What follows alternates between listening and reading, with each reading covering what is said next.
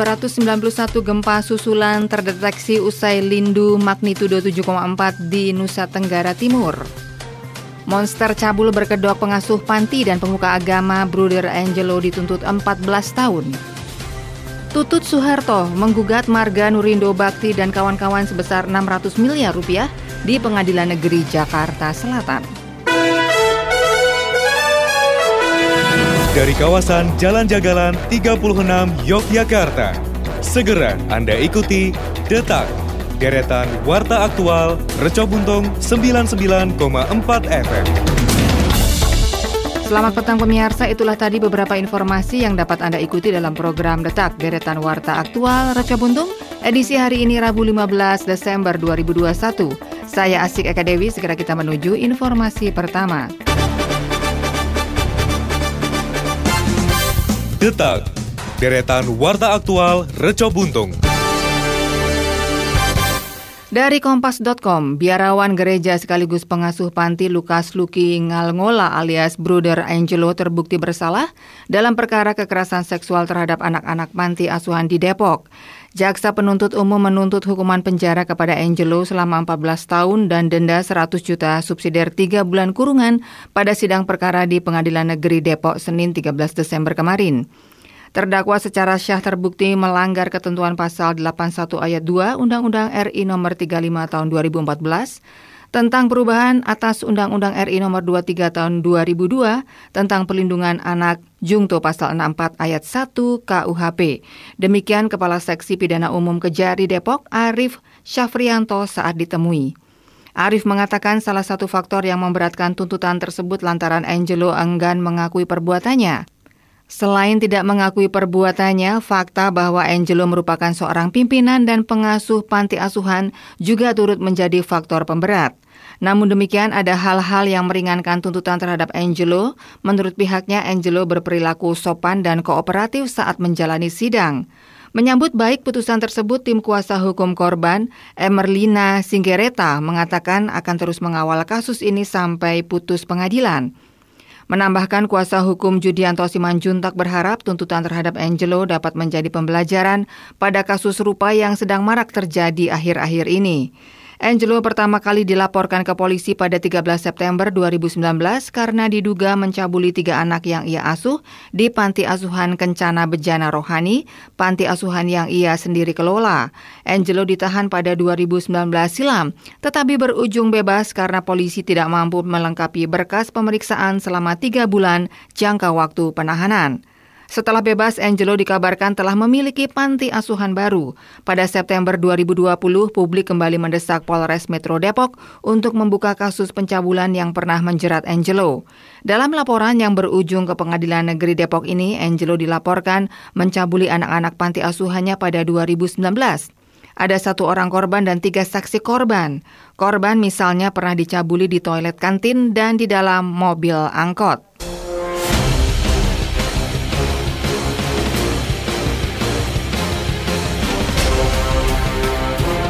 Pemirsa dari CNN Indonesia, Badan Meteorologi dan Klimatologi Geofisika BMKG menyebutkan terdapat 291 aktivitas gempa susulan atau aftershock yang terjadi di Laut Flores hingga Rabu 15 Desember pukul 9 waktu Indonesia Barat. Gempa tersebut merupakan lanjutan dari gempa bumi dengan magnitudo 7,4 yang terjadi di Larantuka, Nusa Tenggara Timur sehari sebelumnya yaitu Selasa 14 Desember pukul 12.20 waktu Indonesia Tengah. Demikian Kepala Pusat Gempa Bumi dan Tsunami BMKG Bambang Setio Prayitno melalui keterangan tertulis.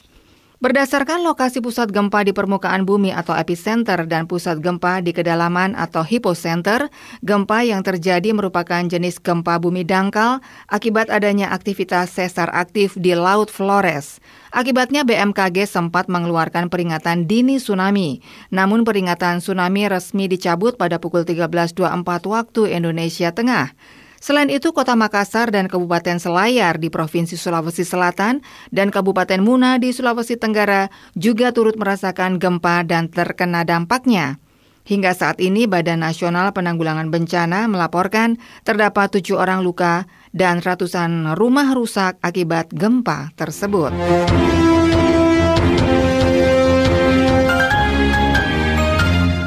Dari CNN Indonesia, Siti Hadiati Hastuti Tutut Soeharto menggugat PT Marga Nurindo Bakti atas perbuatan melawan hukum dalam kasus sengketa saham hingga 600 miliar rupiah. Tutut bertindak sebagai Direktur PT Citra Lamtoro Gung Persada. Gugatan ini terdaftar dalam Sistem Informasi Penelusuran Perkara atau SIPP Pengadilan Negeri Jakarta Selatan. Tutut tidak sendiri, ia menggugat Marga Nurindo Bakti bersama Sugiono selaku Direktur PT Hanurata. Sementara pihak tergugat lainnya terdiri dari Homberklay, PT Marga Strukturindo Raya, PT Investa Kusuma Arta, Jenner Chandra, selaku Komisaris Marga Nurindo Bakti. Kemudian Dendi Kurniawan selaku Komisaris Utama Marga Nurindo Bakti, Sargato selaku Direktur Marga Nurindo Bakti, dan Berto Lomuis selaku Direktur Utama Marga Nurindo Bakti. Kemudian PT Jasa Marga TBK, PT Baskara Dunia Jaya, serta Kementerian Hukum dan HAM masuk sebagai pihak turut tergugat. Dalam gugatan ini Tutut Soeharto dan Sugiono mengaku rugi hingga 600 miliar rupiah. Hal ini karena mereka tidak bisa membeli saham pihak tergugat lima, yaitu Jenner, dan tergugat enam Dendi, kehilangan kesempatan untuk mendapatkan dividen atas kepemilikan saham di Marga Nurindo Bakti, kemudian arus terganggu karena tidak membeli saham Jenner dan Dendi, lalu habisnya waktu hingga pikiran untuk menyelesaikan masalah hukum ini. Detak, deretan Warta Aktual Rejo Buntung.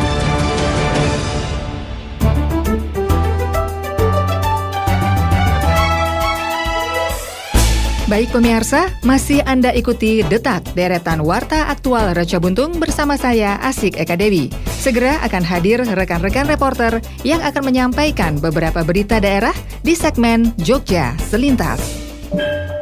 Baik, terima kasih rekan Asik Eka Dewi. Pemirsa Jogja Selintas kami awali dari Sleman.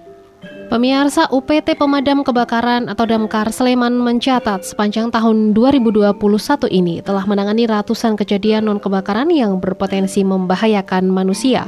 Satu di antaranya adalah kejadian ular masuk rumah warga, penanganan sarang tawon hingga penanganan hewan lainnya. Kasih Operasional dan Investigasi Damkar Sleman, Nawa Murtianto mengatakan, kejadian ular masuk pemukiman atau rumah warga sering terjadi, apalagi di musim peralihan dari kemarau ke musim penghujan. Saat musim pancaroba tersebut biasanya menjadi musim kawin ular, kemudian di bulan Desember telur menetas. Ular tidak mencari sarang namun terus bergerak dan kebetulan masuk ke rumah warga. Ia menjelaskan rekapitulasi sepanjang tahun 2021 penanganan ular sebanyak 104 kejadian. Selain ular, damkar juga sering menangani sarang tawon. Sepanjang tahun 2021 tercatat telah menangani sebanyak 92 kejadian. Kemudian penanganan lainnya satu kejadian dan penanganan hewan lainnya adalah 32 kejadian. Tugas di luar non kebakaran ini terus dilakukan petugas damkar sebab berpotensi membahayakan manusia. Pemirsa kita beralih ke Kulon Progo. Pemerintah Kabupaten Kulon Progo mempersyaratkan penggunaan aplikasi Peduli Lindungi bagi masyarakat yang akan berwisata menjelang pergantian tahun maupun di masa libur Natal dan Tahun Baru. Wakil Bupati Kulon Progo Fajar Gegana mengatakan penggunaan aplikasi tersebut sebagai upaya pengawasan dari Satuan Tugas COVID-19 di sektor pariwisata. Pihaknya berupaya mengoptimalkan penggunaan aplikasi Peduli Lindungi bagi wisatawan yang akan datang karena mereka tidak hanya berasal dari daerah istimewa Yogyakarta melainkan dari luar DIY. Selain itu juga melakukan pembatasan kuota, jangan sampai jumlah wisatawan yang datang melebihi kuota sehingga menimbulkan kerumunan di tempat wisata. Sedangkan Kepala Dinas Pariwisata Kabupaten Kulon Progo, Joko Mursito mengatakan, di Kulon Progo terdapat 31 destinasi wisata baik yang dikelola oleh pemerintah dan masyarakat yang sudah dilengkapi dengan QR Code aplikasi Peduli Lindungi. Dinas Pariwisata juga memastikan setiap destinasi wisata telah memenuhi standar CHSE. Demikian pemirsa informasi dari Sleman dan Kulon Progo, sumber berita dari Tribun Jogja.com. Saya Meda Mara dan kita beralih ke berita kota Yogyakarta bersama rekan dari Pradita. Silakan dari. Baik, terima kasih Meda Mara.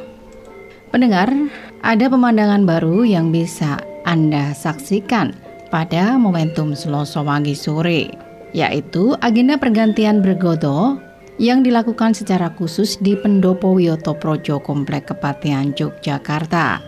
Sekda DIY Kadarmanto Baskoro Aji menyatakan bahwa atraksi pergantian bergodo rakyat Malioboro telah menjadi bagian yang tidak terpisahkan dari kebudayaan. Hal ini ke depan juga bisa menjadi salah satu atraksi wisata baru yang berpotensi menjadi magnet bagi wisatawan.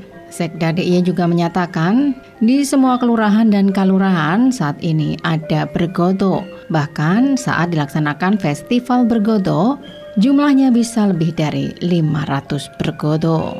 Selanjutnya dengan adanya bergodo rakyat Malioboro, diharapkan akan mampu memancing para wisatawan. Di antaranya untuk bisa berfoto bersama. Selanjutnya, Pemda DIY juga turut menyambut gembira kegiatan bergodo yang dibuat semakin menarik dan atraktif sehingga daya tarik Malioboro semakin kuat. Sekda DIY juga berharap agar Dinas Pariwisata DIY bisa membuat event yang berlangsung secara kontinu dan pergantian bergoto dapat dilakukan tidak hanya di satu tempat namun juga di tempat lainnya. Di sisi lain, Singgira Harjo, Kepala Dinas Pariwisata DIY menyatakan keempat bergodo memiliki tugas penting. Pertama, sebagai ikon pariwisata, kedua sebagai agen promosi pariwisata. Kemudian peran ketiga menjadi agen pengawas protokol kesehatan COVID-19 di kawasan Malioboro. Adapun pemilihan anggota bergodo mengandalkan kearifan lokal yang ada dengan melibatkan warga kampung di sekitar kawasan Malioboro. Pergantian bergodo juga dilakukan atas pertimbangan riwayat sejarah kawasan Malioboro. Selain itu, sebagai wujud pemberdayaan masyarakat. Bergodo Rakyat Malioboro sendiri menurut Singgih merupakan program lanjutan dari atraksi budaya di sepanjang Malioboro yang sekaligus sebagai penguat bentang sumbu filosofi.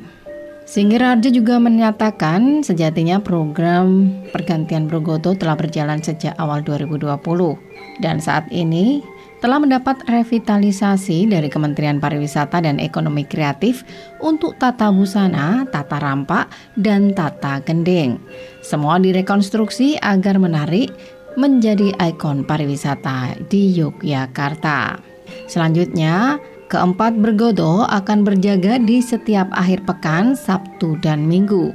Dengan jam operasional, penjagaan dilakukan sejak pukul 15.30 waktu Indonesia Barat hingga 21 waktu Indonesia Barat. Total ada lima pasang prajurit yang berjaga di lima titik di kawasan Malioboro. Pendengar Pemko Yogyakarta berhasil mendapatkan penghargaan Smart City atau Kota Cerdas untuk kategori Smart Living dari Kementerian Komunikasi dan Informatika yang diserahkan langsung oleh Dirjen Aplikasi Informatika. Kementerian Kominfo Samuel Abrijani Pangerapan. Penghargaan diberikan kepada Pemkot Yogyakarta karena tata kelola yang semakin baik dengan implementasi Smart City. Dan kota Jogja merupakan satu dari 100 kabupaten kota yang pada tahun 2021 ini telah berhasil masuk dalam program 100 Smart City Nasional. Penghargaan juga sebagai apresiasi kepada Kota Jogja yang terus berkomitmen dalam percepatan penyelenggaraan digitalisasi birokrasi. Di sisi lain, Kepala Dinas Komunikasi Informatika dan Persandian atau Komifusan Kota Yogyakarta Tri Hastono menyatakan, Quick Win yang masuk dalam ajang ini adalah program gandeng gendong Sebagaimana diketahui, program Gandeng Gendong merupakan gerakan bersama yang melibatkan seluruh elemen pembangunan dalam rangka pemberdayaan dan peningkatan ekonomi masyarakat, khususnya percepatan penanggulangan kemiskinan yang lebih mengedepankan pada pemberdayaan masyarakat. Gandeng Gendong sendiri merupakan upaya Pemkot Jogja untuk mensinergikan dan bekerja sama dengan seluruh stakeholder dalam mencapai kesejahteraan masyarakat Kota Jogja. Selanjutnya dalam penerapannya, konsep gandeng gendong diintegrasikan dengan aplikasi unggulan milik Pemkot Jogja, yakni Jogja Smart City atau CSS. Di dalam aplikasi tersebut terdapat berbagai menu yang memudahkan masyarakat, terutama di masa pandemi COVID-19, seperti ngelarisi, dodolan, print from home, serat layon, dan konsultasi belajar siswa online. Demikian informasi dari Kota Yogyakarta, saya dari Pradita. Segera kita menuju ke rekan Widya Gita. Baik, terima kasih dari Pradita. Pemirsa bersama saya Widya akan saya sampaikan informasi dari Bantul dan Gunung Kidul. Polres Bantul menangkap perempuan berinisial RA 22 tahun warga Ubul Harjo Yogyakarta atas kasus dugaan penipuan dan penggelapan. Dalam melakukan aksinya, tersangka RA menyamar sebagai pegawai negeri sipil yang bekerja di Dinas Perdagangan dan Perindustrian DIY Kasat Reskrim Polres Bantul AKP Arsye Nevada mengungkapkan terungkapnya kasus tersebut setelah Polres Bantul menerima laporan dari korban AS 31 warga Guosari Pajangan Bantul. Kasus bermula ketika korban dan tersangka berkenalan melalui sebuah media aplikasi percakapan online pada Juli lalu. Dalam perkenalan tersebut, tersangka mengaku seorang PNS yang bekerja di Dinas Perdagangan dan Perindustrian DIY. Bahkan ketika tersangka ke rumah korban mengenakan pakaian dinas PNS. Mereka menjalin hubungan asmara dalam perjalanan tersangka selalu meminjam uang kepada korban.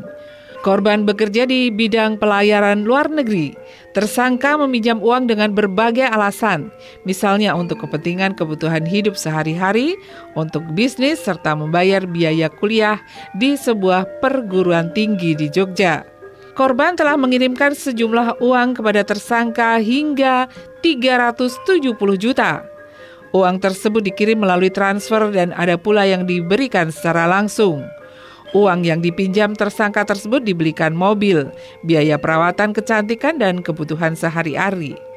Arsya mengungkapkan korban terperdaya untuk meminjamkan uang tersebut karena tersangka mau dinikahi dan mengaku sebagai PNS. Hingga akhirnya pada awal November kemarin korban merasa curiga karena tersangka semakin sulit untuk dihubungi. Sadar bahwa dirinya telah tertipu, korban melapor ke Polda DIY ditindaklanjuti oleh petugas Polres Bantul. Setelah dilakukan penyelidikan, personel Reskrim Polres Bantul berhasil menangkap perempuan tersebut pada 18 November di sebuah kos di wilayah Jogja. Polisi menyita dua setel pakaian dinas PNS berupa baju batik biru dan baju dinas berwarna coklat. Kepolisian juga menelusuri identitas tersangka di Dinas Perdagangan dan Perindustrian DIY serta di sebuah perguruan tinggi di Yogyakarta. Ternyata tersangka bukan seorang PNS dan juga bukan seorang mahasiswi. Tersangka merupakan ibu rumah tangga yang sudah berkeluarga. Tersangka menyamar PNS hanya untuk mengelabui korban. RA mengakui kesalahannya dan meminta maaf kepada korban. Dari penuturannya, ia kenal dengan korban sekitar empat bulan lalu, kemudian memutuskan untuk berpacaran. Tersangka RA berdalih mengenakan pakaian PNS bukan untuk menipu, agar dikira orang baik. Atas perbuatannya, RA saat ini mendekam di balik jeruji besi. Polisi menjeratnya dengan pasal 378 KUHP dan 370 KUHP tentang tindak pidana penipuan dan penggelapan dengan ancaman hukuman selama-lamanya 4 tahun penjara. Pemirsa kita beralih ke Gunung Kidul. Bupati Gunung Kidul Sunaryanto meminta warganya berada di perantauan untuk tidak mudik terlebih dahulu saat libur Natal dan Tahun Baru 2022. Larangan tersebut merupakan bagian dari upaya pemerintah Kabupaten Gunung Kidul untuk mencegah penularan COVID-19. Hal tersebut disampaikan oleh Sunaryanto pada saat rapat koordinasi lintas sektoral PAM Natal dan Tahun Baru 2022 di Bangsal Sewoko Projo hari Senin lalu. Menurut Sunaryanto, larangan mudik bagi para perantau saat libur akhir tahun sesuai dengan instruksi Menteri Dalam Negeri tentang pencegahan dan penanggulangan penyebaran COVID-19. Sunaryanto menegaskan dengan tidak mudik bisa meminimalisir terjadinya lonjakan orang yang masuk ke Gunung Kidul. Dengan begitu, paling tidak bisa mencegah terjadinya penularan COVID-19 sebab bukan tidak mungkin para pemudik menularkan COVID-19 kepada keluarga yang ada di kampung halaman. Sunaryanto juga menyampaikan pemerintah Kabupaten Gunung Kidul melarang semua kegiatan yang berpotensi menimbulkan kerumunan saat perayaan pergantian tahun baru, baik di kompleks alun-alun Wonosari maupun objek wisata. Tidak ada perayaan tahun baru yang digelar oleh pemerintah, baik di tempat wisata maupun di alun-alun kota Wonosari. Nah pemirsa demikian tadi informasi dari Bantul dan Gunung Kidul, sumber berita Tribun Jogja.com. Selanjutnya kita kembali ke rekan Asik Eka Dewi untuk menyampaikan informasi yang terakhir. Terima kasih untuk rekan-rekan reporter yang sudah mengabarkan informasi di segmen Jogja Selintas. Dan pemirsa, sekarang kita sampai ke informasi yang terakhir. Detak, deretan warta aktual Reco Buntung. Dari Tribun Jogja.com, Balai Penyelidikan dan Pengembangan Teknologi Kebencanaan Geologi BPPTKG Yogyakarta masih mempertahankan status siaga pada Gunung Merapi. Status siaga Gunung Merapi ini sendiri meningkat sejak 5 November 2021 lalu. Kepala BPPTKG Yogyakarta Hanik Humaida mengatakan aktivitas Gunung Merapi hingga saat ini masih terbilang tinggi, sehingga pihaknya masih mempertahankan status siaga terhadap Gunung Merapi. Ia menyebut rekomendasi yang diberikan BPPTKG Yogyakarta belum berubah. Masyarakat masih dihimbau untuk tidak beraktivitas di daerah bahaya, yaitu 5 km dari puncak Gunung Merapi. Terkait mitigasi, pihaknya sudah menyerahkan rekomendasi kepada pemerintah daerah yang terdampak.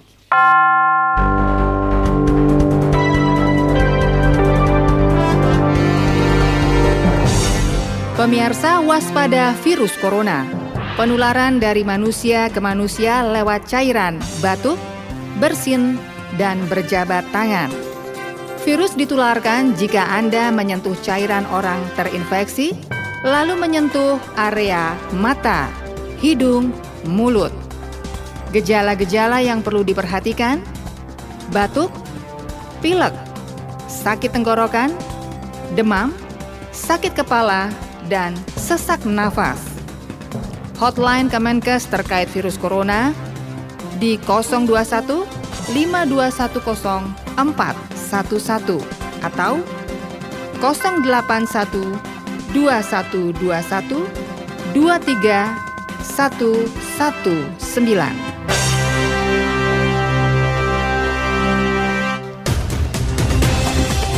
Pemirsa, informasi tadi menutup program Detak edisi hari ini Rabu 15 Desember 2021. Ikuti kembali program Detak deretan Warta Aktual Reca Buntung esok petang pukul 18 waktu Indonesia Barat.